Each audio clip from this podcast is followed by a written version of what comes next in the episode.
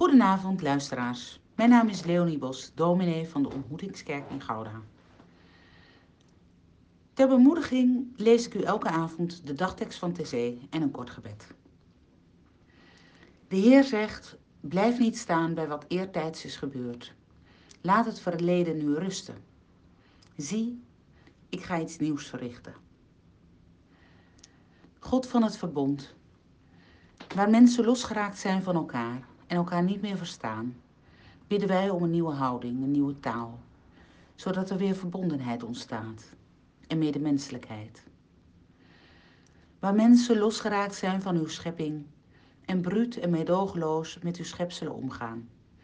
Waar mensen alleen maar middelen zijn om menselijke behoeften te bevredigen en geen eigen leven meer hebben. Bidden wij om een nieuwe verbondenheid met uw wonderlijk mooie schepping, met de dieren, de zeeën en de bomen.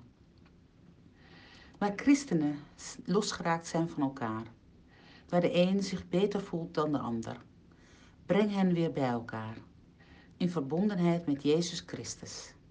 En laat de een de ander uitnemender achter dan zichzelf. Waar mensen losgeraakt zijn van u, God en schepper van alle leven, verbind hen weer met u opdat zij leven hebben en overvloed. Amen.